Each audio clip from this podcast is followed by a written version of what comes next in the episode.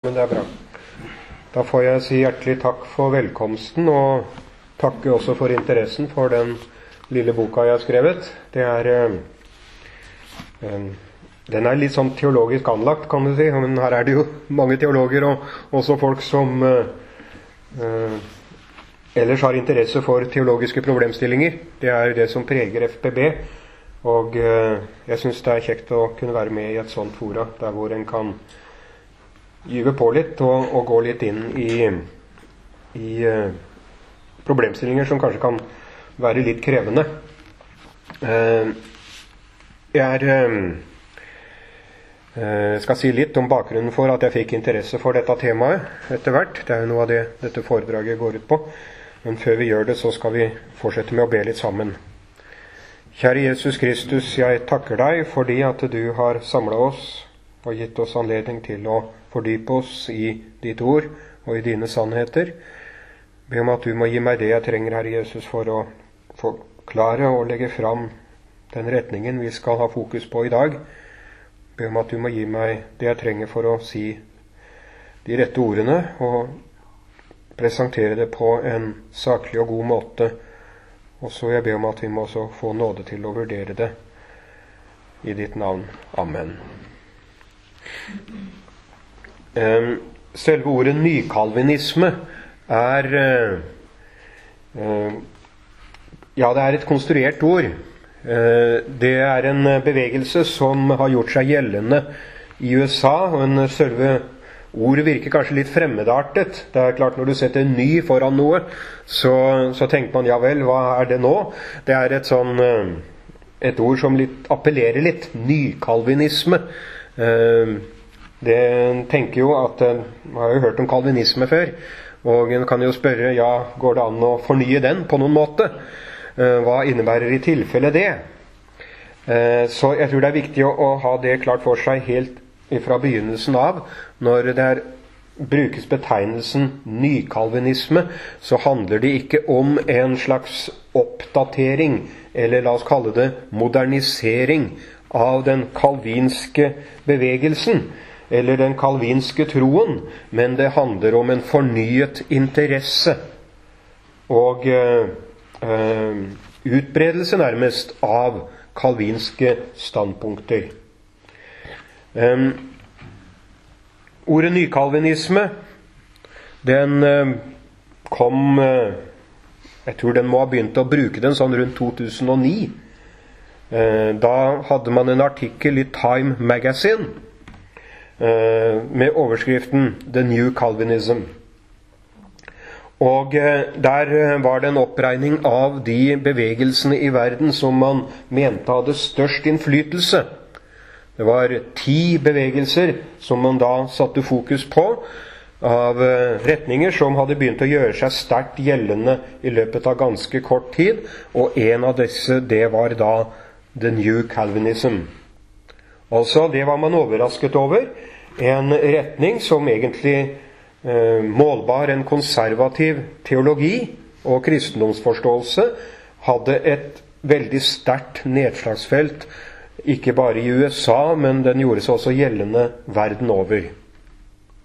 Um, Christianity Today uh, fulgte opp i 2009, de også, med en artikkel som plutselig da satte oppmerksomhet på dette fenomenet, eh, den veldige interessen for kalvinisme. Og eh, vi vil vel kalt det her i Norge konservativ kristendomsforståelse, som hadde begynt å gjøre seg gjeldende i USA og andre steder.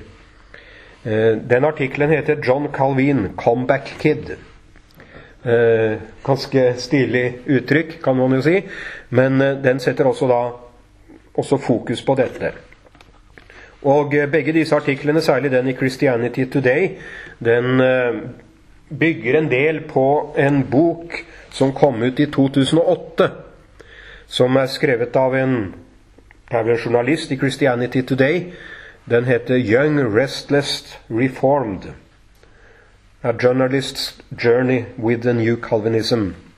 Altså ung, eh, rastløst og reformert en journalists reise med de nye kalvinistene. Her er en uh, journalist som har slått følge med uh, en menighet, eller dette menighetslivet som, som uh, nykalvinismen har skapt, eller der hvor den gjør seg gjeldende. Han hadde besøkt noen av de mest fremtredende pastorer og ledere innen denne bevegelsen. Han hadde levd sammen med dem og prøvd også, prøvd å prøvd å forstå bevegelsen fra innsiden. Um, og han uh, skriver veldig sympatisk om den.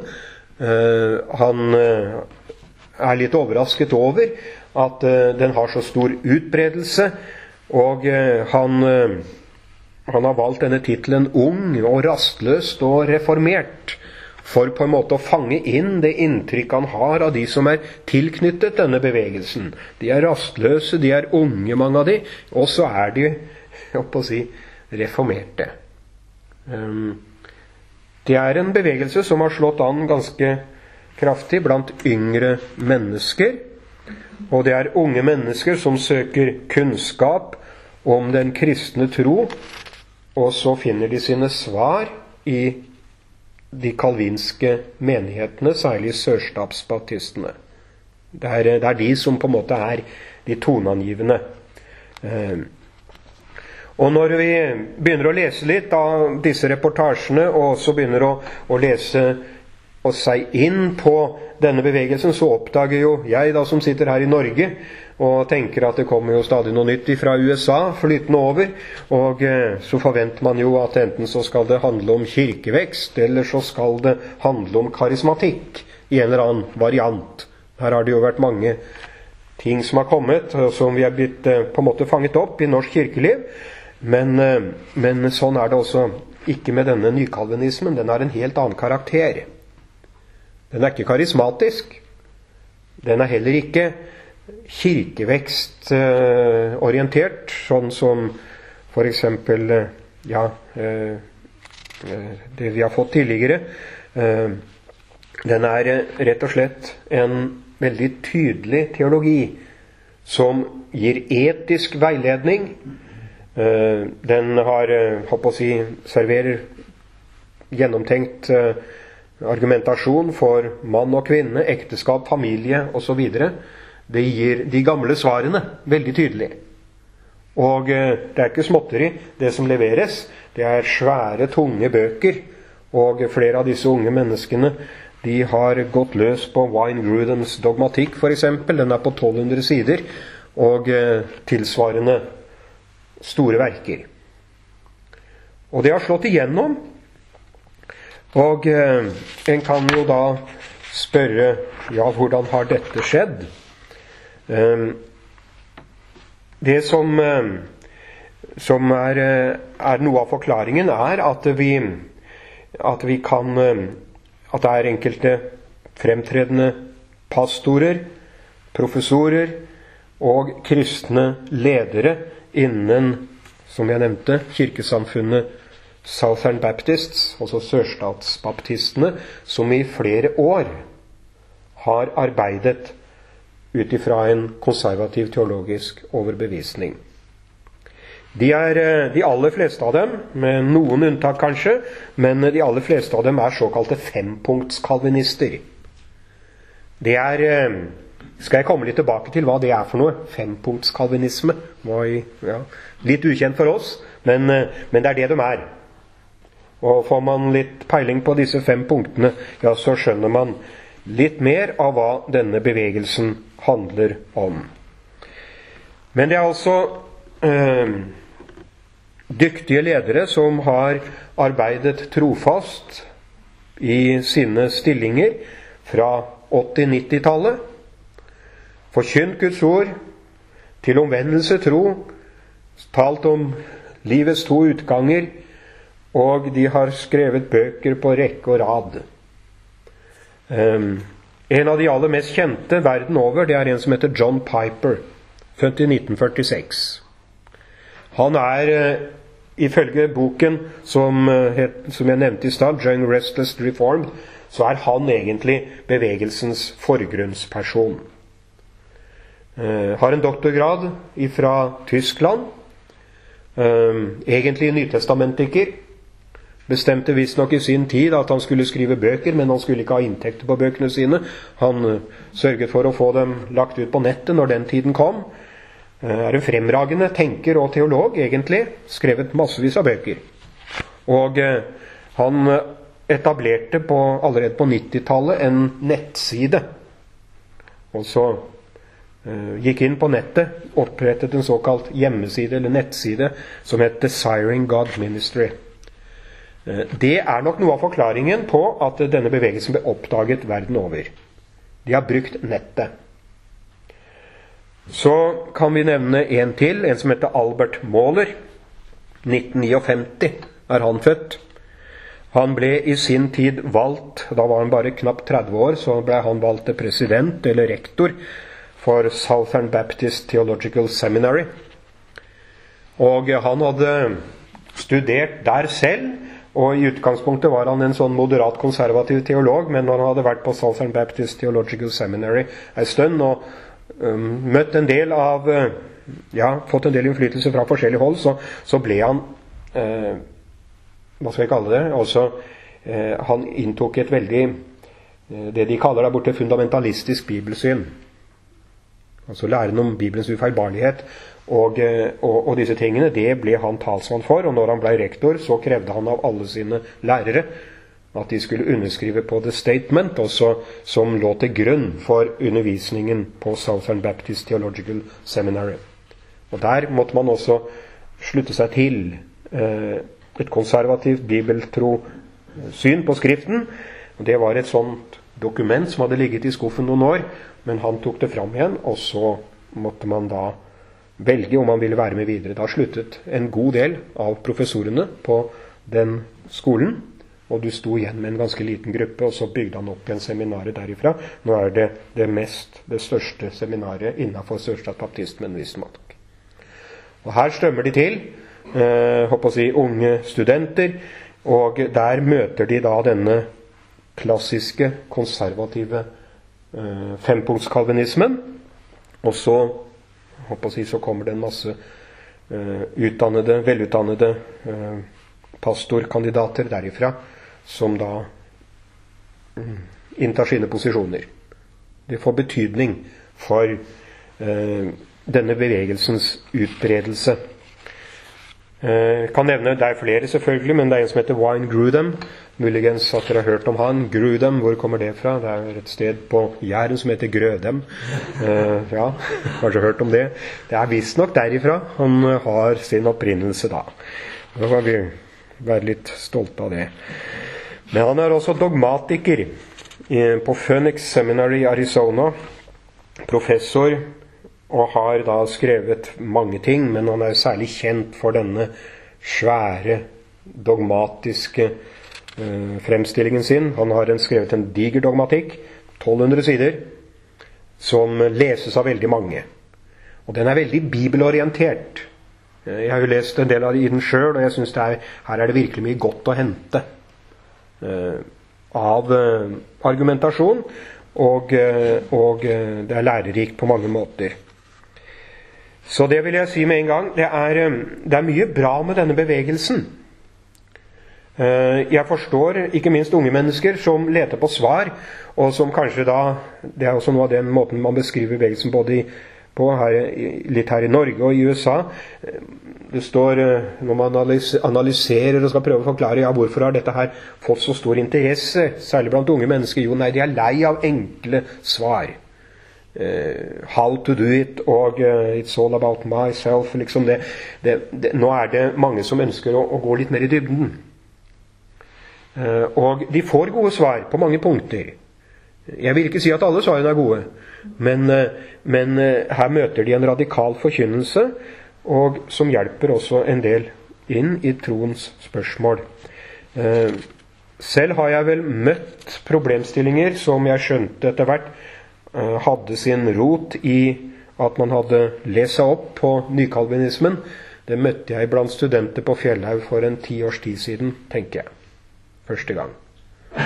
Da ble det Jeg har jo, som har vært lærer noen år, så, så forventer å få de samme spørsmålene hvert år. Og, og, du har liksom svaret klart. Det skal man være veldig forsiktig med. For uh, det kan hende at det kan ligge nyanser i et spørsmål som, uh, som gjør at en student syns ja, ja, ja, det blir litt for ferdiglaga dette her. Så, men nok om det. Altså, det er en del standardspørsmål som kommer igjen.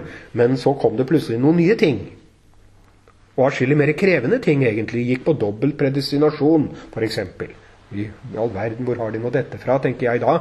Eh, det går på, på, diverse ting som gjorde at en skjønte her hadde jeg å gjøre med ungdommer som, som virkelig hadde lest seg opp på ting. Jeg husker en 19-åring han kom til meg med en svær blekke som han hadde skrevet om eh, læren om utvelgelsen med utgangspunkt i kapittel 9, 10 og 11 i Romerbrevet. Eh, jeg ble jo fryktelig imponert når jeg leste det og tenkte med meg sjøl jeg skal være forsiktig med å undervurdere unge mennesker, og kanskje tenke litt sånn Hva skal vi si ja, At folk liksom har et sånn veldig enkelt forhold til ting. Det er, det, er jo, det er jo ikke så få som faktisk er ganske oppegående, og som er meget oppegående, og som liker rett og slett intellektuelle utfordringer. Jeg tror vi har vært litt sånn, har ikke hatt helt forståelse for det bestandig. At det må faktisk finnes, og, og, og, og på en måte møter den kristne tro på den måten at de, de vil dypt inn i tingene. Eh, og Han var en av dem, husker jeg, som jeg snakket en del med, og det var også andre. Og Det er noe av det som særpreger, tror jeg, eh, de som lar seg fascinere av dette her. Det er ofte personer, unge mennesker, som, som jeg vil si, har interesse for å pløye litt dypt inn i tingene. Eh, lar seg utfordre av intellektuelle problemstillinger. Og så nytter det ikke der bare å komme med et sånt, sånn enkle forklaringer. Eh, da blir du satt sjakk matt ganske fort. Eh, så jeg måtte jo lese meg opp på en del ting og eh, for å holde følge, følte jeg sjøl. Og det, det, er veldig moro å kunne være lærer på de premissene. Og jeg tenkte sånn Det er mye bra her. Er, her er det en veldig si, iver og en søken etter etter hva, svar på det spørsmålet hva sier Skriften. Men så oppdaget jeg også ting som jeg syns begynte å skurre litt. altså. Så jeg får komme litt til det etter hvert. La meg nevne det om den amerikanske eh, nykalvinske bevegelse. Den er jo noe sammensatt. Jeg prøver å skille denne boka mellom neokalvinisme og nykalvinisme. Det høres ut til å være det samme, men det er ikke helt det samme. Det er ikke det. Så nå når jeg bruker uttrykket nykalvinisme, så er det som betegnelse på den retningen som da er forankret mer inn i den klassiske kalvinismen. Ehm, de har knytta seg til, eller sier det veldig åpent ut, at de ønsker å stå som en bevegelse som viderefører den gamle amerikanske vekkelsesbevegelsen. De fører frem eh, enkelte av de store fra, eh, fra, fra den eh, tiden. Charles Spurgeon er jo ikke et ukjent navn, vil jeg tro, men han er en av heltene. Martin Lloyd Jones han er også en av dem som de viser til som en person som de har som et forbilde. Og så er det selvfølgelig Jonathan Edwards, som da i USA regnes som en av de største teologer de har hatt der borte. Han var også puritaner. Eh, kalvinist. Og eh, en av de virkelig som hadde stor betydning in The Great Awakening fra 1734 og fremover. Men eh, de vil på en måte videreføre en vekkelsesbevegelse. Og sånn gjør de seg gjeldende. Det ligger mange taler av dem ute på YouTube, f.eks. Paul Washer har vært i Norge flere ganger. Han tilhører denne bevegelsen. Og det er mange som sier det. De har hørt han, og så har de på en måte skjønt dette med omvendelsen. Jeg kan jo bare nevne det. Paul Washer har vært eh, misjonær i Peru noen år. Han er faktisk på min alder. Jeg har også vært misjonær i Peru. Jeg møtte ikke han der, men han holdt vel til i norddelen av landet. Han stiftet en misjonsorganisasjon, jeg tror det var i 1988. Eh, der er han generalsekretær. Og de har misjon, nå i 22 land. Med over 200 misjonærer. Og definerer nok de misjonærene litt misjonærbegrepet litt annerledes enn vi gjør f.eks. i min organisasjon. Eh, de lønner gjerne arbeid, på sine nasjonale arbeidere. Vi har en misjonær, en svensk misjonær i Göteborg, De har en, en irsk misjonær, er det vel, i Finland, i Bottenviken. De har misjonærer i Nederland, Tyskland, Frankrike, så vidt jeg husker. Og de har en egen misjonskoordinator som heter Don Curran, som da har Europa som sitt felt. Generalsekretæren er Paul Washer. Eh, Don Curran er misjonskoordinator og pastor. Og han er da veileder for en menighet som heter Kilden, og som holder til på Nærbø på Jæren. Ja, det er også en side ved denne virksomheten. Jeg har lest meg litt inn på det, hvordan de forteller om sine misjonsreiser i Skandinavia. Vet vi det? Så dette her er en misjonerende kalvinsk bevegelse. Ja, det er eh, Det sier jeg ikke så veldig mye om i denne boka, for da visste jeg ikke så mye om det heller, men litt hadde jeg vel. Jeg skrevet litt om det. Så det er, eh, det er noe av forklaringen kanskje også på at denne, dette er en bevegelse som har fått innflytelse. De ser på seg selv som en misjonerende bevegelse, og de omtaler selvfølgelig Europa som et formørket kontinent, der hvor evangeliets lys må tennes på nytt. Eh, når de skriver om misjonsarbeid oppe i Bottenviken, oppe i, i de områdene der, så snak, omtaler de det som et Ja, det er konfesjonelt luthersk, men det er ikke noe virksomhet ellers, liksom. Så de driver sin virksomhet her. Og de omtaler lover og justis i Skandinavia og, og som et Ja, det er et stort forfall som gjør seg gjeldende. Vi kan i grunnen kjenne oss igjen i det. Men man er også nesten definert som misjonsfelt. Kan jo spørre Jeg ville jo anbefale å begynne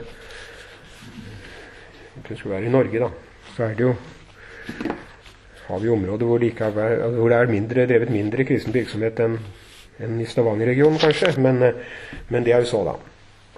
Jeg tror ikke De, de har, ikke, har ingen misjonærer, noen som er definert som misjonærer i Norge. Det har de ikke. Men, men Og om de planlegger å definere eller å få det, det vet jeg heller ingenting om. Men jeg leser bevegelsens bevegelse ut ifra akkurat det. Det er greit å vite det. Uh, en annen del da som har skapt uh, veldig stor innflytelse, det er i tillegg til den type virksomhet, så er det også dette med at de bruker nettet. Jeg nevnte det i forbindelse med John Piper. Uh, han var på allerede på slutten av 90-tallet med å etablere en nettside som er lest av veldig, veldig mange. Så ble det opprettet en nettside der hvor både presbyterianere som også er kalvinister, og da sørstatsbaptister, og faktisk også man prøvde å trekke inn Missouri-synoden, og etablere en bred plattform for evangelisk eh, troende i USA, eh, hvor man ville målbære konservativ teologi og tro. Eh, den nettsiden heter The Gospel Coalition. Den ble opprettet i 2007. Og Den er det veldig mange unge mennesker som leser på. Der eh, legger de ut uh, taler på nettet. Og det ligger der massevis, massevis, massevis. Og dette det er grundig bibelutleggelse, det er grundig veiledning. Og de har små artikler og store artikler, dyptpløyende artikler. Eh, veldig mye som er tilgjengelig, og som leses. Eh, de ville være en bevegelse for å fremme evangeliets sak. Det er det er på en måte anliggende deres. Ehm, så det er klart at i det store bildet så har vi også her å gjøre med en konservativ teologisk retning som eh, jeg vil si jeg som konservativ lutheraner deler en del anliggender med. Eh, men så er det også da, når man går deres teologi nærmere inn på klingen, og kommer også litt i samtale med unge mennesker som har lest seg opp på dette, her, ja, så, så, får du, som jeg nevnte, en del problemstillinger og spørsmål som, som uh, gjør at en må tenke ja, de, de, tenker annerledes enn en lutheraner ville gjort på en del ting. Uh, de er som regel fempunktskalvinister, som jeg sa. Noen av dem kaller seg også firepunktskalvinister. Jeg skal prøve å forklare nå etter hvert hvordan de kan gjøre det. Men eh, det at de er fempunktskalvinister, det betyr faktisk at de da viderefører den klassiske kalvinismen. Og eh, for å skjønne hvordan de tenker, og hvorfor spørsmålene kommer sånn som de gjør, så må man da ta en tidsmaskin og reise litt tilbake noen hundre år og stille spørsmålet ja, når dukket denne fempunktskalvinismen opp? Five point. Da må vi reise helt tilbake til ca.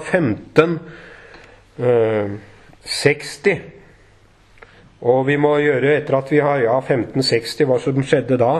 Det skjedde jo ikke så veldig mye mer enn at da ble det skjedde mye mer for så vidt, Men eh, da ble det en mann som heter Jacobus Arminius. Han ble født det året. Eh, var vel egentlig foreldreløs ganske fort. Eh, gikk inn, ble en kristen, og var, ble vokst opp i kristne sammenhenger i, i det kalvinske miljøet i Nederland. De sendte han til Sveits når han blei voksen nok til det, for det viser at gutten var svært begavet. I Sveits så ble han satt under Theodor Besas lærestol. Og Theodor Besa var jo ingen ringere enn mannen som overtok dogmatikkundervisningen og på en måte etter Johannes Calvin. Og Theodor Besa, det var, det var en person, fremragende teolog selvfølgelig, men han på en måte rendyrket Calvins lære. Og eh, gjorde den eh, ja, enda mer eh, Jeg vil nesten si rigid. Og eh, han la en del premisser i sin teologi som denne Jakob Arminius reagerte på. Det gikk bl.a. på læren om dobbel predestinasjon, at Gud skaper mennesker enten til å gå fortapt eller å bli frelst. For det lærte de. Og eh, så ble det en menighet rundt Arminius, som var jo en fremragende predikant osv., og, så videre, og en teolog som også som var dyktig. Og her doserte han etter hvert, og til si, hans beskytteres store skuffelse, så ble han ingen etterfølger av Besa, men han gikk litt sine egne veier. Og han eh, stilte opp etter hvert med en annen forståelse av læren om, om utvelgelsen, f.eks. Eh, den gikk ut på det ut ifra Romerbrevet 8 der, der det står at Gud forutkjente, ikke sant? Eh, der, der Bes og disse folkene de mente ja, det betyr jo at Gud vet på forhånd hvem han har bestemt skal bli frelst eller ikke. Mens, mens, Arminius han sa Gud vet på forhånd hvem som tar imot, og hvem som ikke tar imot evangeliet. Hadde en annen forståelse av selve utvelgelsen. Han mente at den handlet om Guds forutviten. At Gud ikke har bestemt og skapt noen til fortapelse, men at Gud vet på forhånd at når kallet går ut, ja, så vil noen svare ja, noen vil svare nei. Ut ifra det. Og Da bygde han ut en teologi som da var, blei noe annerledes. Den er evangelisk, den nå. Og etter hvert så lagde disse arminianerne, etter Arminius' bortgang, så lagde de et dokument hvor de ga uttrykk for sin tro og spurte pent om de fikk lov til å lære dette. Det gikk til myndighetene, og da satte myndighetene ned en synode, en slags lære hva skal jeg kalle det, læreoppgjørssted. Eh, Nemnd, ja. Kall det det. det er mer kjent for oss. Ja, Men de holdt på, den skulle skje i Dordrecht 1618-1619. Da samlet den teologiske elite seg. Og så skulle man drøfte Arminius sine synspunkter. De hadde lagt fram fem punkter som handlet om syndefordervet. Eh, det var det første. Og om utvelgelsen om forsoningen, om nåden eh, og om eh, en gang frelst, alltid frelst. Også Kalvinistene med Theodor Besa i spissen de lærte jo at nåden er uimotståelig. Når Gud først har bestemt seg for å frelse et menneske, så, så, er, så blir jo det frelst. Mens Arminius han sa nei, de kan stå imot. Han gikk da i retning av en synergistisk tenkning, ville noen si. Og han mente jo også det var mulig for et menneske å falle fra, hvilket da ikke hans meningsmotstandere mente. Og Så ble det jo diskusjoner, og da la, endte det opp med at de kalvinske eh, la frem et dokument som ble kalt Canon of Dort, der hvor de samler sine trospunkter rundt eh, et sånt uttrykk. Eh, tulip. Man var i tulipanens hjemland, ikke sant, i Holland. Tulip. Det, ja da, det er faktisk det de gjorde. Og da bruker de forbokstavene T-U-L-I-P. Får dem til. Det er vel godt på latin, dette sikkert, da, men da blir det også slik at hver bokstav eh, er et eh, si, forbokstaven i et lærepunkt.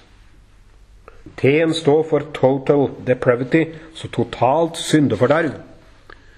Det er eh, det er, eh, si, Der er kalvinistene veldig tydelige. De, de, ligger veldig nær opp til den lutherske forståelsen av menneskets totale syndeforderv.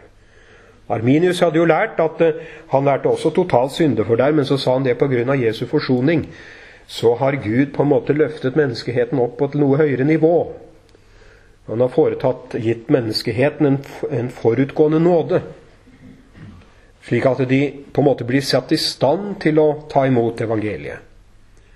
Nei, svarer eh, den andre gruppen, totalt syndefordau. Mennesket er dødt. Åndelig talt er ofte den metaforen som blir brukt, de er døde. Hvordan kan du få en dødt dyr til å respondere? Den responderer overhodet ikke. Sånn tenker de.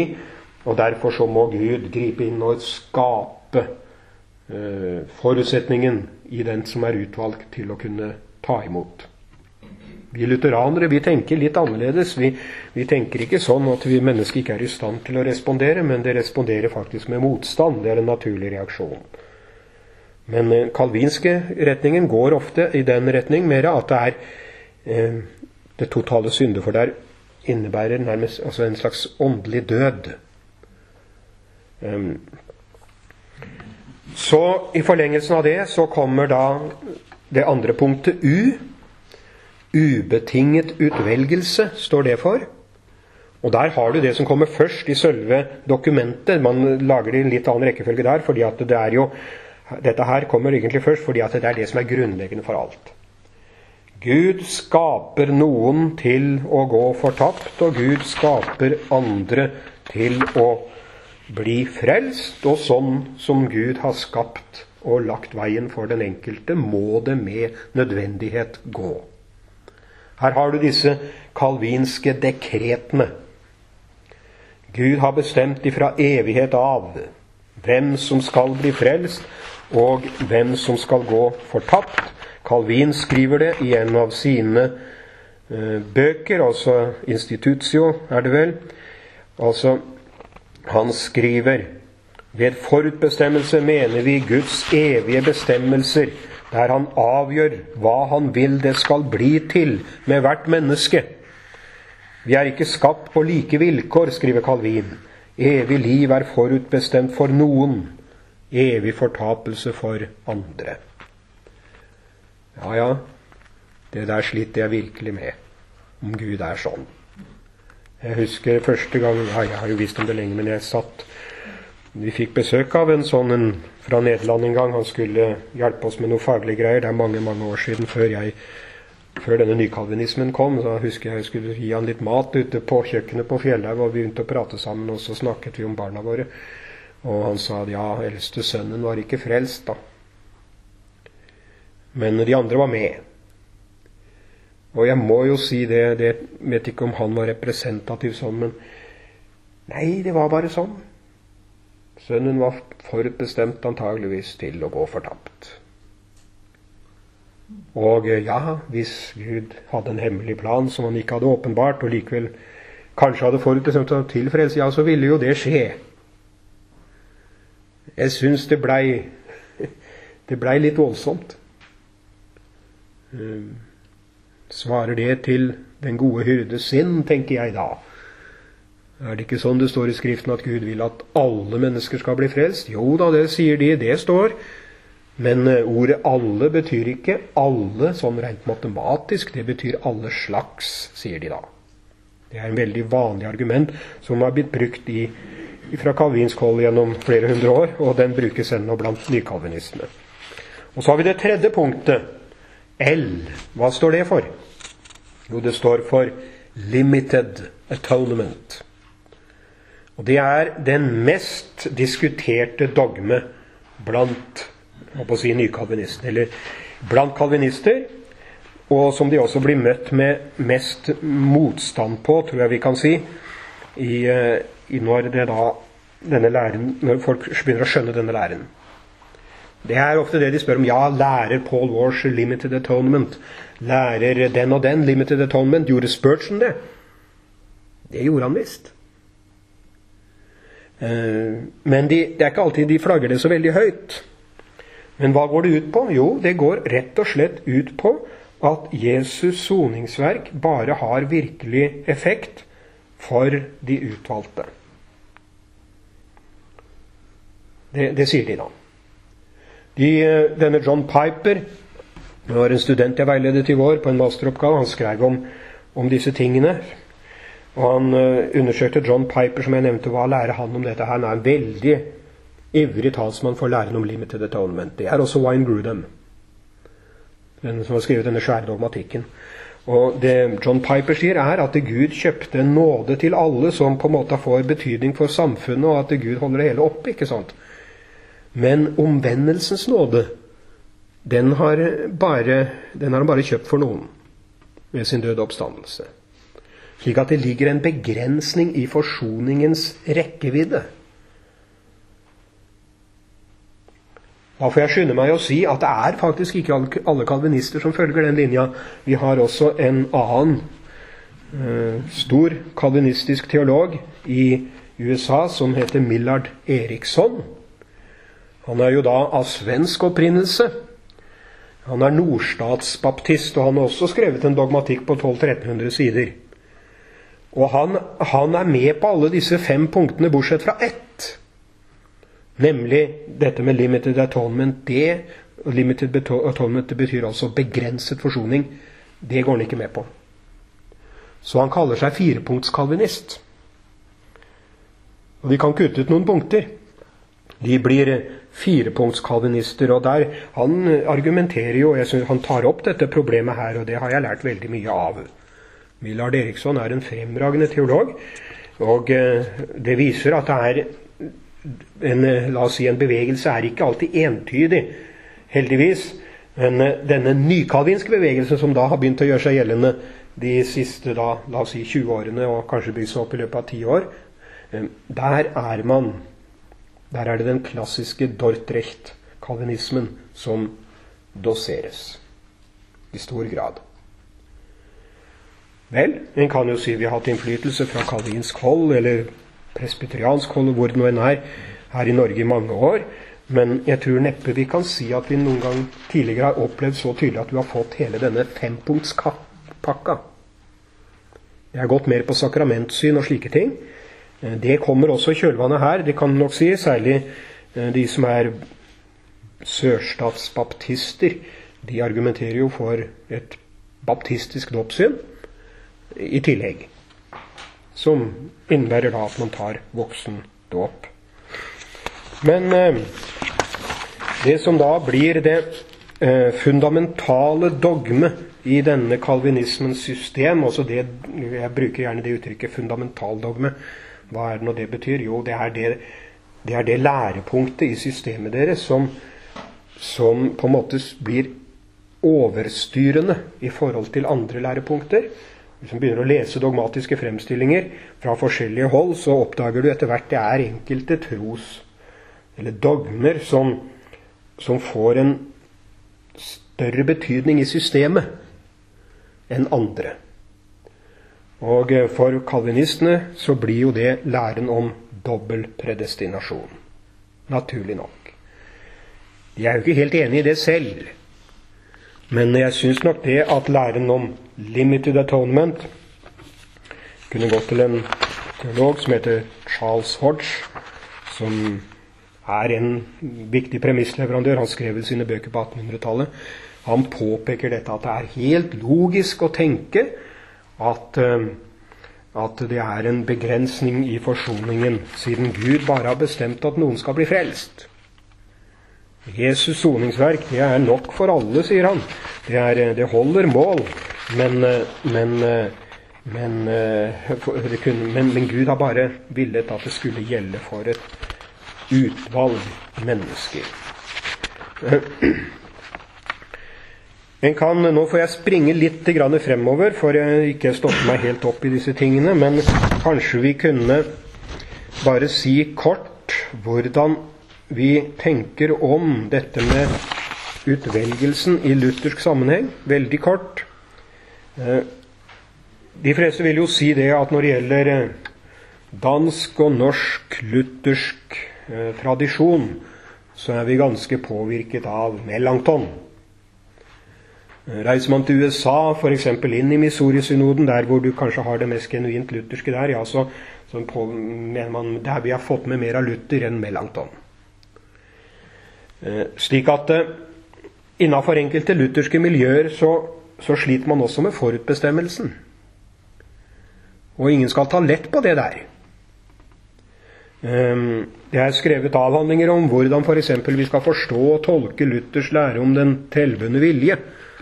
Ehm, det er ikke så enkelt som man tror, egentlig, for selveste Calvin viser jo til Luther i sine skrifter når han eh, utlegger, utvikler sin lære om dobbel predestinasjon, at mennesket skapes enten til fortapelse eller til frelse, ja, så viser han til ting som Luther skriver i Den trellbundne vilje. Det er et kapittel for seg sjøl. Mulig at vi kan få komme litt inn på det etterpå. Men eh, det, var, det sto litt åpent, egentlig. Og det er eh, særlig i litt senere lutherdom, når de skulle skrive denne, skrive denne Concordia-formelen bl.a., og, og du fikk en mer konsolidering av systemet, ja, så, så rydder man litt opp i disse tankene. Og Da kan jeg si det sånn Det er også i den lutherske tenkningen så har vi et bærende dogme. Et eh, lærepunkt som eh, en kan si eh, Vi skal være forsiktige med å si overstyrer de andre, men som er som en forutsetning for altså, Du kan ikke komme i konflikt med det. Når man driver med eksegetisk arbeid, så, så vil man jo alltid avgjøre det enkelte lærespørsmål, om det nå handler om dåp, nattverd eller hva det nå enn er, ja, ut ifra Skriften alene. Men det er likevel et dogme som en på en måte har et slags ordnende eh, funksjon i det lutherske systemet. Og det er altså læren om rettferdiggjørelsen ved tro alene. Det er jo det som står i smalkaldiske artikler. Det er dette dogmet som alt står og faller med, står det. Og eh, Leser man de smalkaldiske artikler, som dere sikkert kjenner litt til i dette miljøet, ja, så, så ser dere at det tas et oppgjør med den katolske lære om messefromheten og helgen, helgenes fortjeneste osv. Ja, hva er grunnen til at man avviser det? Jo, det kommer i konflikt med hoveddogmet, som sier at Jesus har sonet for alle våre synder, og vi blir rettferdiggjort ved troen alene og ved nåden alene. Og når man da sier at helgenes rettferdighet skal komme i tillegg osv., ja, så lager man et konkurrerende funksjoningssystem. Og når du kan se den lutherske læren om dåpen, f.eks., at dåpen er et nådemiddel, forkynnelsen er et nådemiddel, nattverden er et nådemiddel, ja, så er det forankret i læren om rettferdiggjørelsen ved tro alene. Eh, den nåde som Jesus skaffet oss ved sin død på korset, den er, den er av en sånn karakter at den, den er for alle. Og derfor sier ordet og forkynnelsen som nådemiddel sier 'kom som du er'. Den nåden er ferdig. den er Jesus har sonet alle dine synder, og Gud vil at du skal bli frelst. Si, du får en tenkning om de forskjellige sidene ved, ved, troen som er bestemt av dette. Og Det gjelder også læren om forutbestemmelsen. Det er en, en spenning mellom de to punktene i det lutherske systemet påpeker bl.a. Ja, i, i, i, amerikansk lutherdom um, en som heter Scare, David Scare, som har skrevet en del om de tingene der. Leser vi altså fra Concordia-formelen, så står det bl.a. følgende Man skjelner mellom Guds universelle kallelse og partikulære utvelgelse. Guds universelle nåde er årsak til at Gud kaller det enkelte mennesket. Det at et menneske blir kalt, det er ikke fordi at Gud har bestemt og skapt vedkommende til ja, som en av de si, få som kan bli frelst. Men det at et menneske blir kalt av Gud og skal møte forkynnelsens innbydelse, det, det skjer fordi Gud vil at alle skal bli frelst. Og det er klart En, en beveger seg inn i paradokser her når det gjelder akkurat den tingen, men det er noe som er veldig forankret i den lutherske tenkningen, og som gjør at den blir annerledes enn den kalvinske på dette punktet. Gud vil at alle skal bli frelst. Derfor går, går ordet ut. Uh, I solida declaratio, uh, den grundigere forklaring, punkt 11 Guds evige utvelgelse. Det er ikke bare at Gud ser og vet de utvalgtes frelse på forhånd, men den er også på grunn av Guds nådige vilje og behag i Kristus en årsak som skaper og virker vår frelse. Også her sier man Og her, tenker, her er en kausal tenkning, ikke sant? Uh, Innenfor kalvinsk tenkning så, så, vil man si Guds dekreter og bestemmelser og Guds forutviten er kausal. Gud vet det som skjer fordi han bestemmer at, han, at, det skal skje, og at han sørger for at det skjer. Vi er ikke helt med på det. Gud forutser, og det ligner litt mer på Arminius, egentlig. Eh, Gud forutser hvem som tar imot, og hvem som avviser. Men det som beveger Gud til å rekke frelsens tilbud til ethvert menneske, det er ikke det at han har bestemt på forhånd ja, han der skal bli frelst men det er at han vil frelse for alle. Guds nådige vilje og behag i Kristus også, og Guds ønske om å frelse alle, det er en årsak som skaper og virker vår frelse, står det veldig klart i lutherske bekjennelsesskrifter. Um, Innafor um, den kalvinske teologien, for å gå tilbake til limited atonement igjen, da, som henger veldig sammen med dette her, så spør man ja, hvordan kan de eksegetisk begrunne at det bare er noen som Jesus døde for? Jo, de trekker frem en type bibelvers, f.eks. det vi finner i Matteus 1,21, en forutsigelse om Jesus. Jesus skal frelse sitt folk fra deres synder, står det jo. De kan vise til Johannes 10, 11 og 15. Den gode hyrde gir sitt liv for fårene. Her må det jo være en begrensning Jesus gir sitt liv som en løsepenge for mange. Mange kan jo ikke være alle, osv. Eh, man eh, plukker ut disse bibelversene, og så man, bruker man dem som en støtte for læren om predestinasjon og begrenset forsoning. Men så kan vi jo da komme fra den andre kanten, hvilket f.eks. da denne Eriksen gjør når han tar opp dette her. Det står da virkelig i Johannes 1,29 at Jesus er Guds lam som bærer verdens synd. Og det, Vi kan lese i andre kor 5,14 at Jesus døde for alle. Han er en soning for våre synder og for hele verdens synd, leser vi i 1. Johannes brev kapittel 2.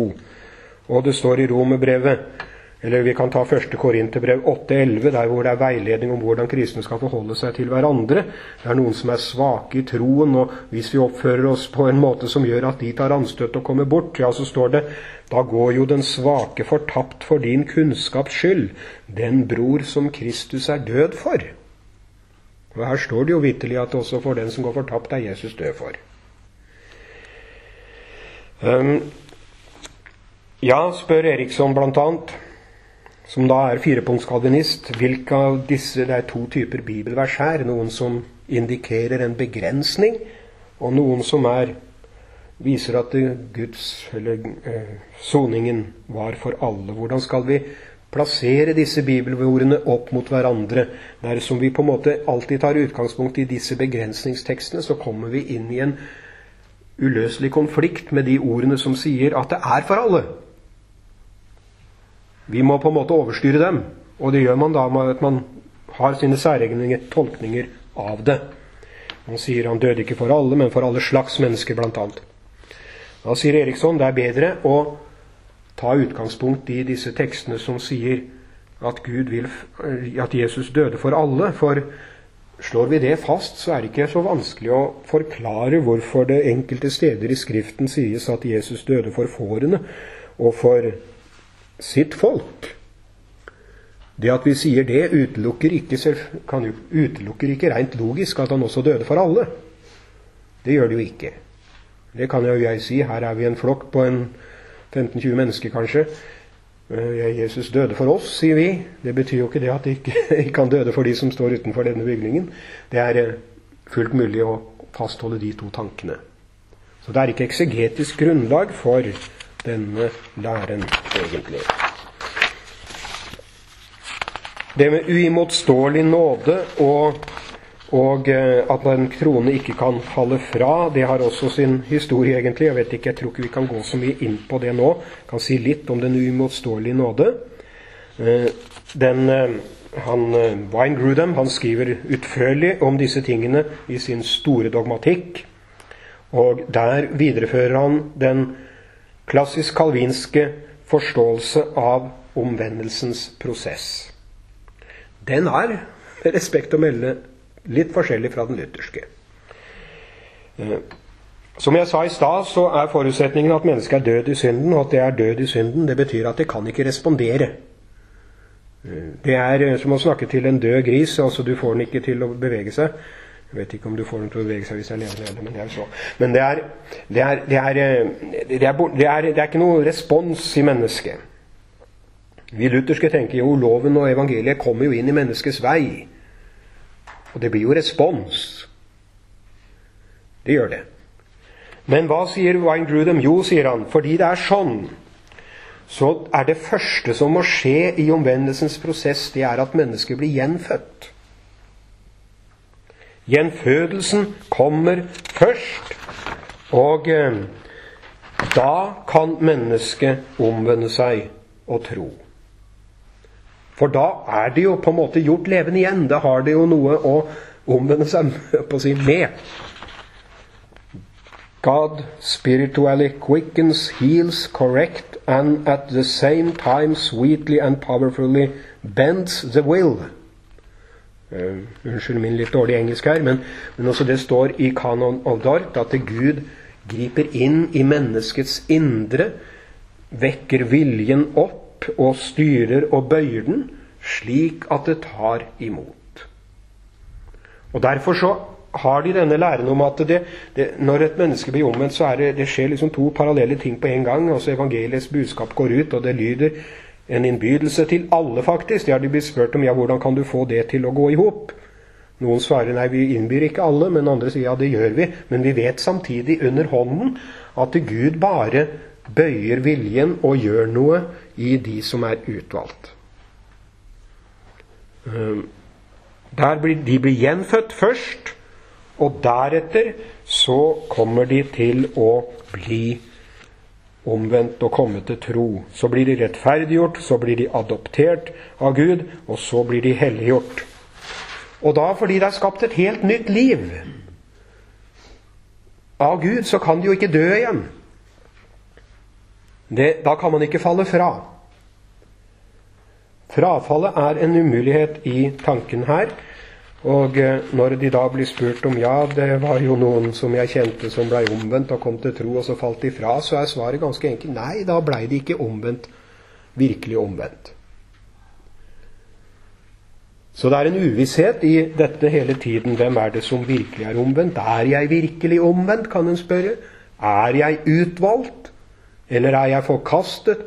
Ja, det er faktisk det spørsmålet jeg er blitt møtt med. Og det er de som da føres inn i ganske store anfektelser pga. det spørsmålet. Det kommer òg i kjølvannet av denne bevegelsen. Og når jeg kan si det er mye bra med den, så vil jeg vel også si det er, den skaper også et behov for sjelesorg og veiledning. Og jeg syns jo det er grunn godt at det er noen som har tenkt litt ut ifra andre premisser, og at jeg finner noe i den lutherske skattkisten, vil jeg si, som gir hjelp ut av dette her. Og først og fremst så handler det om evangeliets frihet og storhet og Jesu forsoning. Det er, for å si det sånn, det er som det står i smakaldiske artikler, den artikkelen kan vi ikke vike fra. Om så himmel og jord forgår, står det, for da faller alt. Jeg blir rettferdiggjort ved troen alene. Da får jeg alt det jeg trenger for å kunne kalle meg et Guds barn. Og rettferdigheten er forankret i læren om at Jesus døde for alle menneskers synder. Og da kan jeg ta det til meg. Ja, da gjelder det jammen for meg òg hva jeg nå enn føler. Og om min omvendelse Ja, føler jeg at jeg er ordentlig omvendt osv. Det kan det bli mye stress ut av. Nei, jeg kan bare få ta til meg evangeliet. Sånn er det. Nå ser jeg på denne klokka her at jeg nærmer meg timen, så da tror jeg får si takk for oppmerksomheten så langt.